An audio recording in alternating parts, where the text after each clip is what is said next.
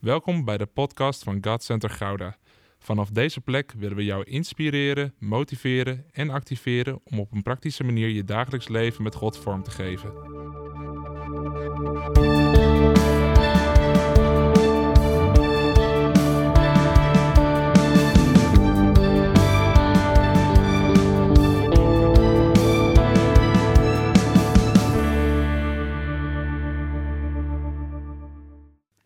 Mocht je vandaag een beetje denken, wat is Jeroen? Of een beetje stram, of een beetje kortademig. eh, dat komt door gisteren. Ik heb gisteren een triathlon gedaan. En, eh, en dat voel je nog een beetje de dag daarna. Dus de, het plan gisteren toen ik finishte was om gewoon een barkruk neer te zetten. Maar eh, nou, ik stond vanochtend op en ik zong Resurrection Power. En, eh, en dat voelde verdraaid goed. Dus eh, gelukkig kan ik gewoon nog lekker een beetje mezelf zijn. Want op een barkruk is fijn, maar niet helemaal mezelf. Dus ehm, ik kijk ernaar uit om het woord met jullie te openen vandaag. En dat wil ik doen eh, over de glorie van God. Gods glorie. En wat zo mooi is aan dat onderwerp is dat er ook een grote samenhang is met het samenkomen. Kijk, Gods aanwezigheid, dat is niet altijd afhankelijk van een groepsgrootte, maar de glorie van God is ook weer verbonden aan de aanwezigheid binnen het volk, het samenkomen van het volk. En daarom vond ik het zo mooi om de eerste keer als we weer echt samen zijn, om het daarover te gaan hebben.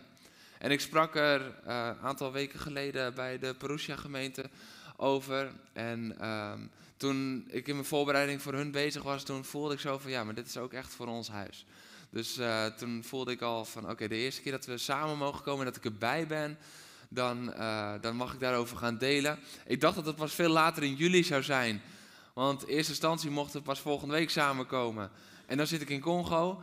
Dus eh, toen dacht ik van ah, de eerste twee keer mis ik. Maar gelukkig kan ik er vandaag lekker bij zijn. We gaan dinsdag stappen we in het vliegtuig met een prachtig team. En mogen we daar gaan bouwen. Dus mocht je nog gebedstijd over hebben de komende twee weken. Dan eh, denk aan ons en denk aan ons team. Aanstaande woensdag hebben we een speciale gebedsdienst voor Congo en de Week, waar het gebed voor die twee zaken helemaal centraal zal staan. Daarover horen jullie straks meer, voordat ik eh, Matthias eh, gras voor zijn voeten weg ga maaien. Maar in ieder geval is dat gebed heel erg welkom. En toen ik bezig was met, met, met de boodschap over Gods glorie, toen moest ik heel erg denken aan wanneer ik terugreed een aantal jaar geleden van eh, een spreekbeurt s'avonds. En dan is het s'avonds laat en je komt eh, terug van een jeugdkamp of eh, een tienerkamp of iets waar je hebt gesproken. En ik had een keertje een, een, een avond en het was een hele mooie avond. Ik had lekker gesproken. Er, waren echt, er was veel gebeurd in de aanwezigheid van God. En, en toen, toen was de zegen zo groot dat iedereen ook s'avonds nog naar me ging seinen. Toen ik ze tegemoet reed. En eerst dacht ik van, nou wat vriendelijk. Ze staan verderop, staan ze waarschijnlijk te flitsen of te controleren of zo. En ze geven zo'n seintje, weet je wel. Dat doe je onderling als automobilisten. Dat is vriendelijk. Ehm, ja, to- tot op het gegeven moment begon er eentje ook nog te toeteren. En toen dacht ik van, nou ja, je bent wel heel enthousiast. Ehm, maar ja, het is donker, dus je kan niet heel goed in die raampjes kijken van, joh, lachen ze me nog toe? En op het gegeven moment ging ik van de snelweg af en toen kwam ik op zo'n N-weg. En eh, dan zit er dus niet meer zo'n ding tussen. Ja, en toen, toen begonnen ze wel heel boos te toeteren. En toen kwam ik erachter dat mijn groot licht nog aanstond. Dus ik dacht dat iedereen heel blij was om mij te zien, maar ze zagen heel weinig. Eh, dat was het probleem.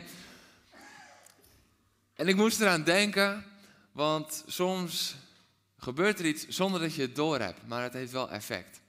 En in dit geval heeft het effect dat mensen verblind worden en denken: wow, ik zie niks meer. En zoiets had Mozes eigenlijk ook. Want Mozes die was 40 dagen, 40 nachten in de aanwezigheid van God. En, en moet je nagaan wat de aanwezigheid van God van voor bovennatuurlijke kracht vrijzet. Want hij eet en drinkt 40 dagen, 40 nachten niet. Nou, ik heb gisteren tijdens de triathlon heb ik heel veel gedronken en heel veel gegeten. Maar toen heb ik ervaren wat er gebeurt als je de juiste voedingsstoffen niet binnenkrijgt. Namelijk bij het derde rondje hardlopen. ehm, ik was op het gegeven moment een beetje misselijk, want je eet dus heel veel en je drinkt heel veel. en op het gegeven moment was ik een beetje misselijk geworden. Dus toen ben ik gewoon overgegaan op water drinken. En dat ging goed. Maar op een gegeven moment begon ik hier heel erg last te krijgen. Van, hier komt nog een hele preekserie uit over wat ik gisteren allemaal heb meegemaakt. Maar dit is een klein voorproefje. Maar ik, begon echt... En mijn ademhaling ging niet meer goed. Dus ik was... Dit was echt de max. En als je zo kan ademhalen, kan je niet hardlopen. Dus ik moest iedere keer dribbelen en weer wandelen. En weer een klein stukje dribbelen en dan ademnood en weer wandelen. En dat was best wel beangstigend. En ik liep samen met de maat van me. En die zei, ja, ik denk dat je gewoon al je spiertjes, die zijn gewoon overbelast. Want die zijn niet gewend om zoveel te doen. Dus je ademhalingsspieren die aan je longen zitten, dat, uh, dat zal gewoon overbelast zijn. Dus ik dacht, nou, ik moet de rest van de 40 kilometer moet ik gaan uitwandelen uiteindelijk. En dat was nog 15 kilometer. Nou ja, dat is een wandeltempo nog drie uur. Dat was niet heel erg waar ik naar uitkeek na 11 uur sporten.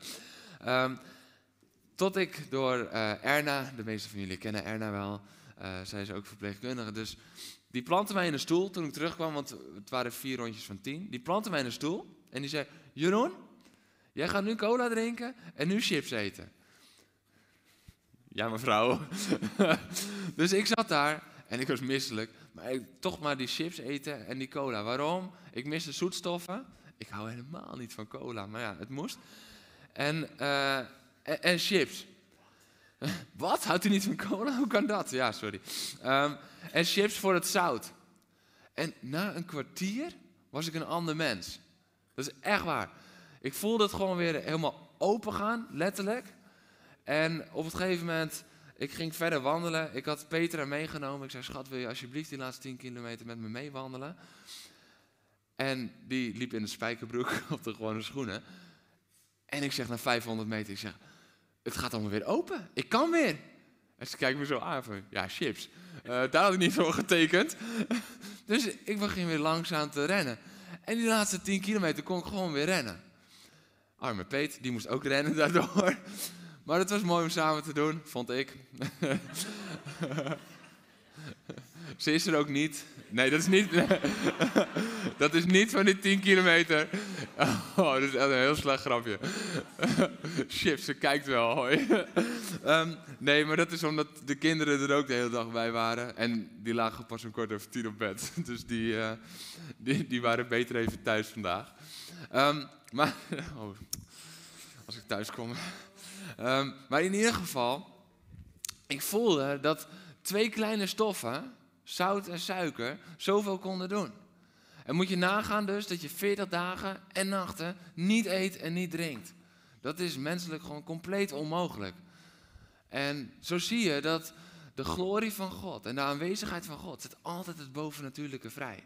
Weet je, wij, wij zoeken vaak in wonderen en tekenen als het gaat om de tastbare dingen die we zien. Genezing, bevrijding en, en dat soort zaken. Maar zullen we dat ook even gewoon zien, het bovennatuurlijke, in de kleine dingen die er tussendoor geschreven staan.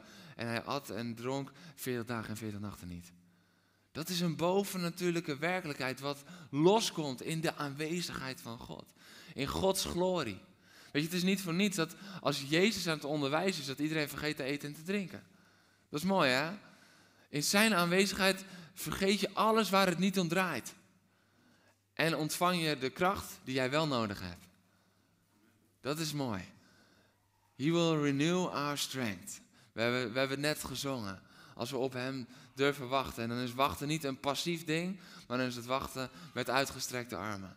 Dan is het wachten in aanbidding. Dan is het wachten met verwachting. En ik wil met je lezen uit Exodus 34, vers 28 tot met 35.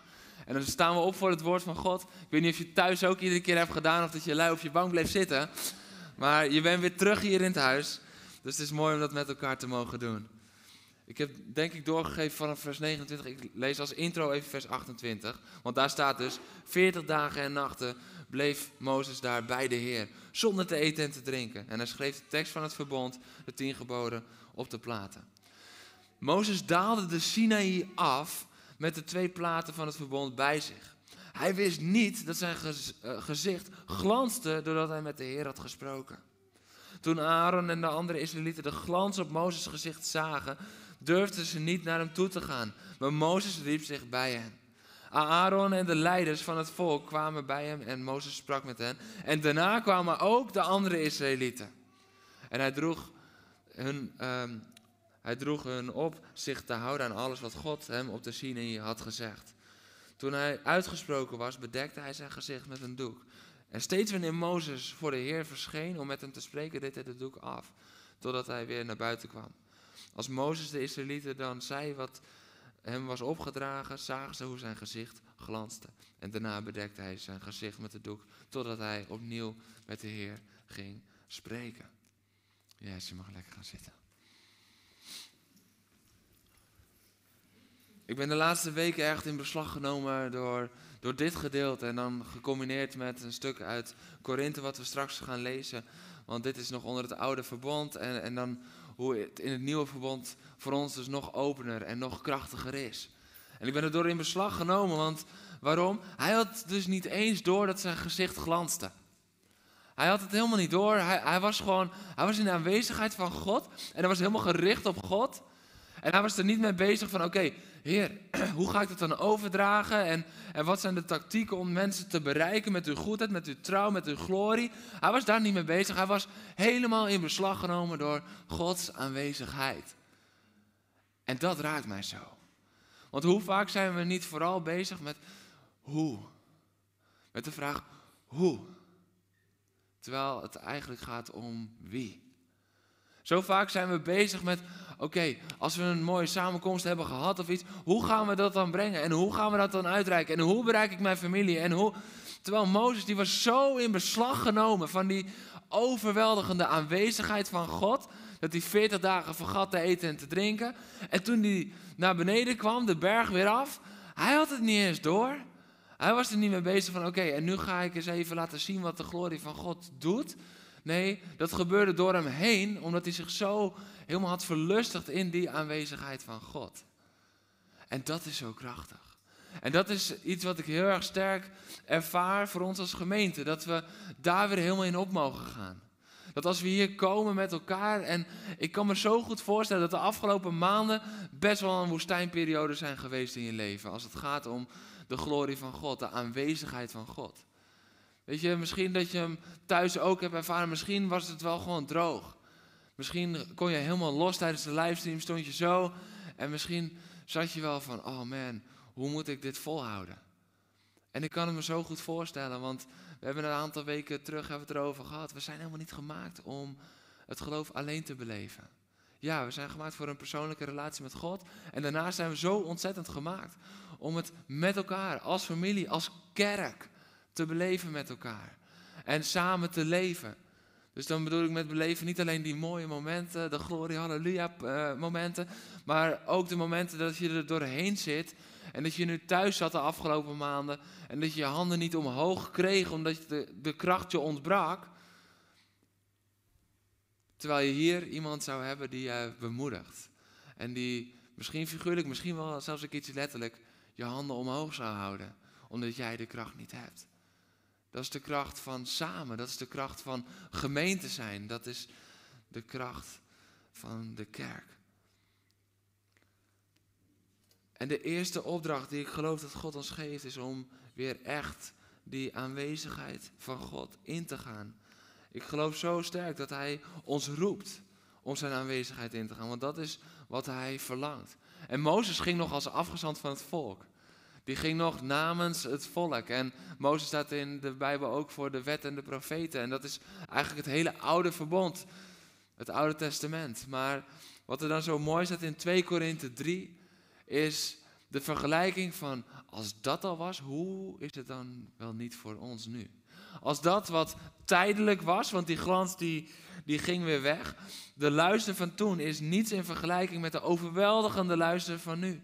Wanneer wat verdwijnt al luister bezit, geldt het des te meer voor wat blijft. Dit is wat Paulus schrijft in context van Mozes, want daarvoor heeft hij het over Mozes. Dit is onze hoop en daarom handelen we in alle openheid. En niet als Mozes die zijn gezicht met een sluier bedekte, zodat de Israëlieten niet konden zien dat de glans verdween. Hun denken verstarde en dezelfde sluier ligt op de dag van vandaag over het oude verbond wanneer het voorgelezen wordt. Hij wordt alleen in Christus weggenomen. Alleen in Christus weggenomen. Wat een verschil. Wat een verschil tussen dat oude en het nieuwe verbond. En tegelijkertijd handelen we nog best wel vaak als Mozes. Dan doen we hier met elkaar die sluier af en dan aanbidden we God en dan, en dan willen we zijn aanwezigheid in. Maar dan als we naar buiten gaan, dan gaat vrij snel die sluier weer om, omdat we bang zijn dat mensen anders zien dat we in ons dagelijks leven misschien iets minder heilig reageren als dat we dat op zondagochtend met elkaar zouden doen.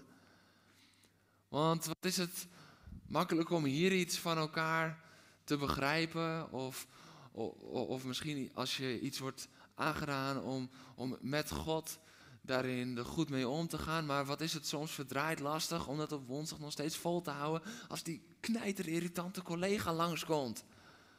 Of als je kinderen dat bloed zo vakkundig onder je nagels. Het, soms lijken ze wel pedicure. Ze kunnen vakkundig bloed onder de nagels vandaan halen. Ja. En hoe reageren we dan? Zijn we dan nog steeds vol van die glans van God over ons leven, omdat we ons verlustigen in Zijn aanwezigheid? Of doen we een sluier voor, omdat we beseffen, maar die glans, die neemt langzaamaan wat af. Die glans, die wordt langzaamaan wat minder. Weet je dat, welke gesprek ik ook voer met niet-gelovigen, dat dit een van de grootste frustraties is van mensen die God nog niet hebben aangenomen als hun redder, als hun verlosser. Die Jezus nog niet kennen als hun bevrijder. Een van de grootste frustraties is, ja, het is op zondag allemaal met de handjes in de lucht. Het is op zondag allemaal zo heilig, maar op maandag. Dit is precies waar, waar, waar, waardoor een stuk evangelisatie.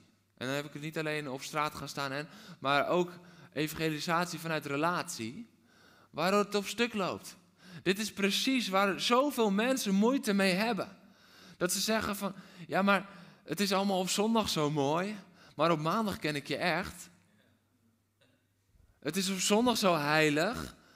Weet je, in, in ik zat in een voetbalteam en een van de jongens waarmee ik voetbalde, zijn vader was dominee. Die stond op zondag stond het woord te verkondigen, of zaterdag te vloeken langs het veld. Letterlijk te vloeken. Niet alleen schelden. Dan denk je bijna van was het dat het maar alleen. Maar het was ook gewoon vloeken. Langs het veld.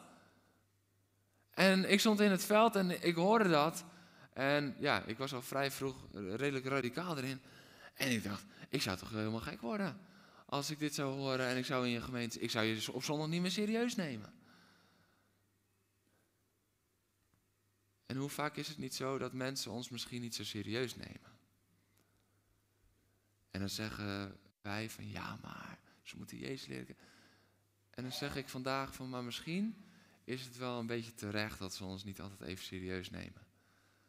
Want als wij door de week een doek voordoen, als wij een sluier voordoen, omdat we weten dat onze glans afneemt,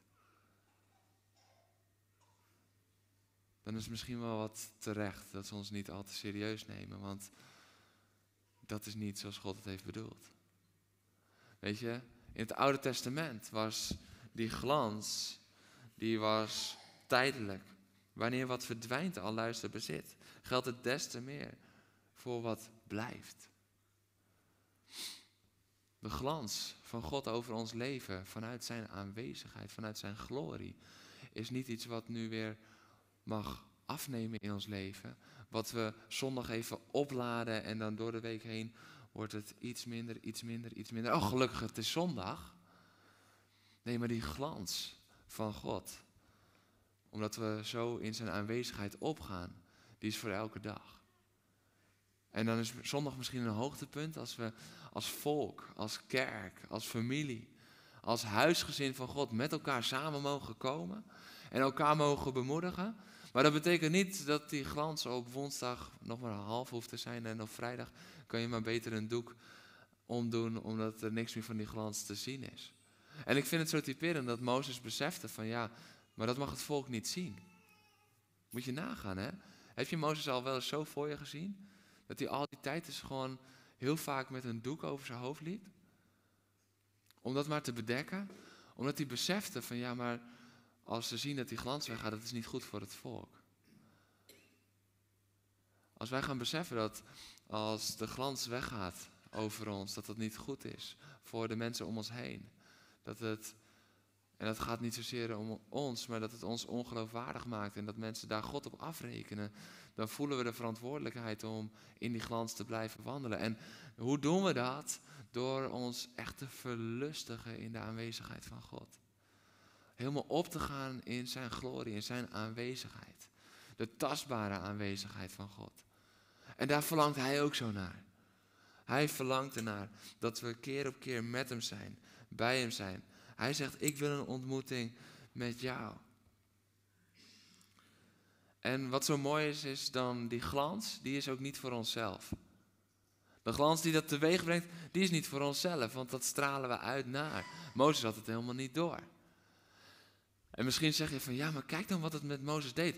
De mensen bleven op afstand, omdat ze dachten van, wow. En weet je wat zo mooi is?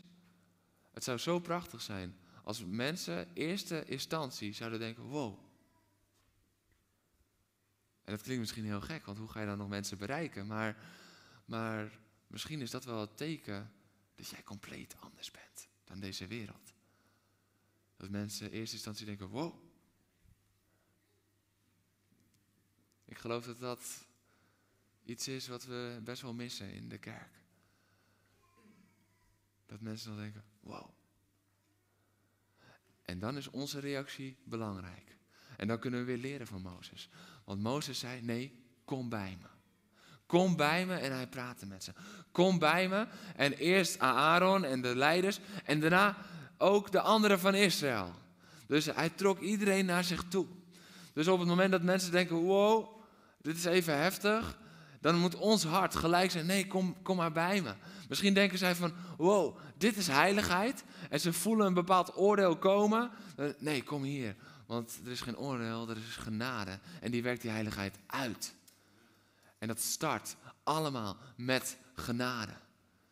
Dat is wat we mogen doen. We mogen, we mogen een stralend licht zijn. Ik weet niet of je wel eens overdag naar de bioscoop bent geweest. En dat je dan naar buiten loopt en dat je denkt, wow, ik zie niks. Dat licht mogen wij zijn.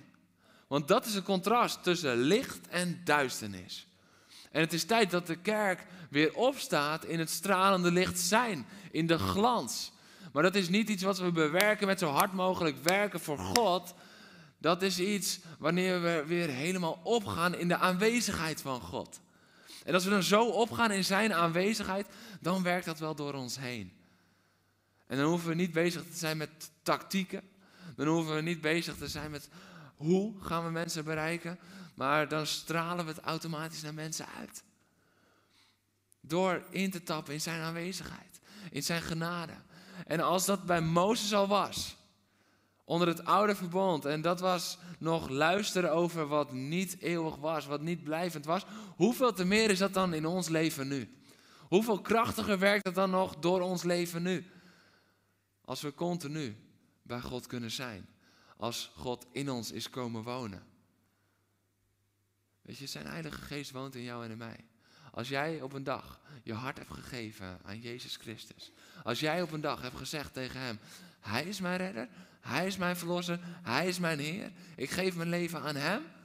Dan is zijn Heilige Geest in jou komen wonen. En als een Heilige Geest in jou woont, dan woont dus dat stukje glorie van God. Dat is in jou. En dan is de vraag, doen we nog een doek om of niet? Want zo vaak als we moe zijn, of zo vaak als we gefrustreerd zijn, of zo vaak als we gewoon zagrijnig zijn, of zo vaak als, en noem maar op wat het misschien in je eigen leven is, dan doen we een doek om. Maar wij hoeven geen doek meer om te doen, want zijn glorie gaat met ons mee. En het stralen werkt door ons heen. En dat stralen is voor een ander. Weet je, de Bijbel zegt dat de wereld rijkhalsend uitkijkt naar het openbaar worden van de kinderen van God. Merken we daar nog heel veel van? Dat is geen strikvraag, je mag nee zeggen. Oh, hij gaat wat vragen, dat deed hij nooit thuis. Nee, daar merken we niet zo heel veel van, de laatste tijd. Als je wat dieper graaft wel, maar dat hebben de mensen zelf nog niet door. Maar Ze hebben zelf niet door dat ze rijkhalsend uitkijken, laat ik het zo zeggen. Dus wij merken daar niet zo heel veel van. Maar misschien is dat ook wel omdat we als kerk meer een knipperlicht zijn als een stralend licht. En dat is een pijnlijke conclusie als ik in de spiegel kijk. Ik denk, ja, Jeroen, je moet ook wel gewoon continu stralen, want knipperlicht is echt heel irritant. Want als, als je een knipperlicht zo in je oog krijgt, dan dat, dat trek je niet. Terwijl als het continu is, dan gaan je ogen eraan wennen. Als je uit de bioscoop komt en je bent twee minuten buiten, dan ben je eraan gewend. En dan ben je blij dat het weer licht is. Weet je, toen, uh, toen ik op uh, tienerkamp meeging als leiding, dan deden we altijd, je mag twee zaklampen mee. De eerste loopt met de zaklamp en de laatste. En dan had je altijd een paar mensen die eigenlijk hun zaklamp moesten inleveren, omdat ze gewoon niet goed met de zaklamp konden lopen. Dan denk je misschien van, hoe kan je nou niet goed met een zaklamp lopen? Er zijn mensen die niet goed met een zaklamp kunnen lopen. Ik ga je vertellen waarom. Uh, dat is namelijk omdat ze denken, iedere keer als ik denk dat er misschien een klein momentje gevaar is, dan zet ik hem even aan, maar daarna zet ik hem weer uit. Dan zie je de hele tijd niks. Want je ogen wennen op het gegeven moment als het wat donkerder is, dus dan kan je redelijk je pad zien. Maar als er iedere keer even een lichtje aangaat, dan denk je, wow, en dan zie je daarna weer helemaal niks. Er is niks irritanter dan een knipperlicht. En het is tijd dat de kerk gaat van knipperlicht naar stralend licht. Het is tijd dat de kerk dat knipperen uitzet en dat het zegt van oké, maar vanaf nu gaan we gewoon stralen met elkaar. En dan heb ik het dus niet over allemaal tactieken en zo gaan we dat doen, maar zo gaan we naar Hem. Want als we weer gaan verzanden in die tactieken, dan op het gegeven moment gaan we merken van, oh, we moeten de tactieken weer aanpassen. Oh, dat werkt niet meer zo. En dan doen we een doek om, want oh, dit is toch wel lastig. Nee, maar als we ons iedere keer weer opgaan in zijn aanwezigheid, opgaan in zijn tegenwoordigheid en weer opnieuw, weer helemaal dat verlustigen met hem. Dat we echt met hem zijn. Het is niet voor niets dat Mozes de berg op moest, wist je dat? Hij moest weg bij het volk. Hij, hij, hij moest gewoon met God zijn. En dan denk je misschien van, oké, nou, dan ga ik nu naar huis. Ik moet weg bij het volk. Nee, maar dat ging erom dat het volk ergens anders op gericht was. Als wij als één volk ons richten op Hem, dat is waarom God de kerk heeft gegeven. Dan is zijn luister, zijn aanwezigheid zo sterk aanwezig. En dan gaan we allemaal als glanzende, stralende mensen naar buiten. En dan is het goede nieuws dat dat niet is van oké, en succes, hou die glans vast tot volgende week. Maar dat die glans ook in jou leeft door de Heilige Geest. En dat je dat elke dag ook thuis mag beleven. Weet je, God is een persoonlijke God, persoonlijke relatie met Hem. En tegelijkertijd zegt hij van, maar je kan het niet alleen. En je hoeft het ook niet alleen te kunnen. Je bent helemaal überhaupt niet gemaakt om het alleen te kunnen. Opgaan in zijn aanwezigheid. Ik wil nog een klein stukje lezen uit 2 Kronieken 5. En er staat dan op een gegeven moment, dit gaat over de inwijding van de tempel. En ze gaan als het ware van de tent van de samenkomst naar de tempel. En de tempel van Salomo wordt dan ingewijd. En op dat moment moesten de blazers en zangers samen muziek te horen brengen ter ere van de Heer. Zodra het geluid van trompetten, cymbalen, andere instrumenten opklonk en de zangers een lofzang aanhieven, de Heer is goed, eeuwig duurt zijn trouw. Vervulde de tempel, het huis van de Heer, zich met een wolk. De priesters konden hun dienst niet meer verrichten, want de majesteit van God vervulde de hele tempel. In andere vertalingen staat de glorie van God. De Shekinah-glorie van God. De tastbare aanwezigheid van God. Die vervulde de tempel. En niemand kon meer dienst doen. Niemand kon meer staande blijven, want de wolk daalde neer. De wolk die voor ze uit was gegaan. De wolk die in de nacht een vuurkolom was geweest, die overdag een wolkolom was geweest, die, die zich zette boven de tent van de samenkomst in de woestijn. En die vervulde nu de tempel. Maar waarop gebeurde dat? Op lofprijs en aanbidding. Op lofprijs en aanbidding. Ik geloof dat we voor het nieuwe seizoen een seizoen ingaan waar de lofprijs en aanbidding tot een dieper niveau gaat komen. Dat we daarin de tastbare aanwezigheid van God nog zoveel sterker zullen gaan ervaren. Want die komt op lofprijs en aanbidding.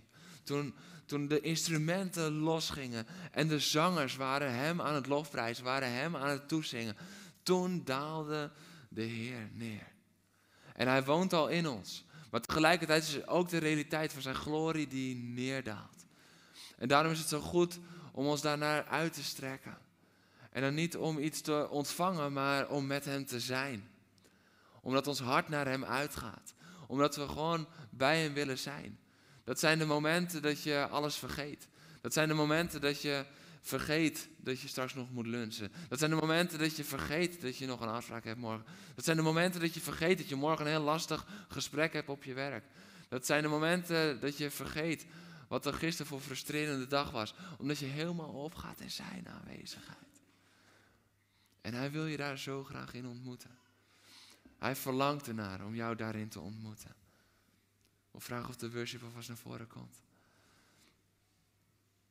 Want die Shekinah glory, die hangt daar wel samen met het samen doen. Het samen. De muzikanten en de priesters en de, de voorzangers. Ze gingen met elkaar en ze hieven een loflied aan. Zo. Ze hieven een loflied aan. En ze zongen de Heer is goed. Eeuwig duurt zijn trouw. En toen vulde de tempel, het huis van de Heer, zich met de wolk. En ze konden hun priesterdienst niet meer doen. Niet verder vertellen aan de muzikanten achter me. Maar ik kijk uit naar de dag dat ze hun dienst niet meer kunnen doen. En dat meen ik echt. Dat ze gewoon plat liggen. Misschien alleen de pianist nog net zo. Voor ons. Maar dat, ze gewoon, dat het gewoon niet meer gaat. Dat het gewoon niet meer gaat omdat de aanwezigheid van God zo krachtig is. Dat het zo sterk is. Dat ze alleen nog maar kunnen liggen of bidden of huilen. Of, maakt niet uit wat ze nodig hebben op dat moment met God. En mijn gebed is dat er dan geen verschil is tussen podium en zaal. Tussen de voorzangers en het volk dat meezingt. Het zijn voorzangers. Weet je waarom ze voorzangers worden genoemd? Omdat er achterna gezongen moet worden. Soms, soms is het zo simpel. Waarom hebben we voorzangers? Omdat het volk ook geroepen is om te zingen. Ze moeten het alleen voordoen. Dat is niet zo van, oké, zij mogen het doen voor ons. Nee, we doen het met elkaar. En ze gaan ons voor daarin. En ik wil je uitdagen als we zo'n moment pakken van aanbidding. Om jezelf van helemaal te geven. Om je uit te strekken naar die glorie van God. En we zullen de komende maanden zullen we hier nog verder op gaan. En ik geloof dat de aanwezigheid van God daarin zo sterk zal zijn. En voel je daarin dan vrij om dat te beleven zoals dat tussen jou en God gaat. Als je voelt van man, ik kan amper nog op mijn benen staan, kniel of lig. Als je helemaal opgaat in zijn aanwezigheid en je wilt dansen, voel je vrij. We hebben heel veel ruimte tussen alle stoelen. Maar voel je vrij. Wil je bidden, wil je huilen, wil je juichen? Voel je vrij. Want in zijn aanwezigheid gaat het niet om vormen. Gaat het niet om wat anderen vinden, wat anderen denken. Maar in zijn aanwezigheid gaat het erom dat zijn volk samenkomt om hem te eren, hem te loven en met hem te zijn. En dan zegt de Bijbel, dan daalt die wolk neer. En dan is niemand meer in staat er niemand meer in staat om te kijken van ja oké, we hadden het zo en zo gepland, dus nu gaan we dat doen. Maar er kan amper nog iemand dienst doen. En dat is misschien wel de mooiste dienst die je kan beleven met elkaar. Als niemand meer dienst kan doen. Ik wil je vragen om op te staan. En laten we met elkaar daarin nog dieper Gods aanwezigheid ingaan. Bedankt voor het luisteren naar deze podcast. Volg ons op onze kanalen om verbonden te blijven. Heeft deze aflevering jou geraakt? Deel dan op je socials en tag ons, zodat we samen meer mensen kunnen bereiken.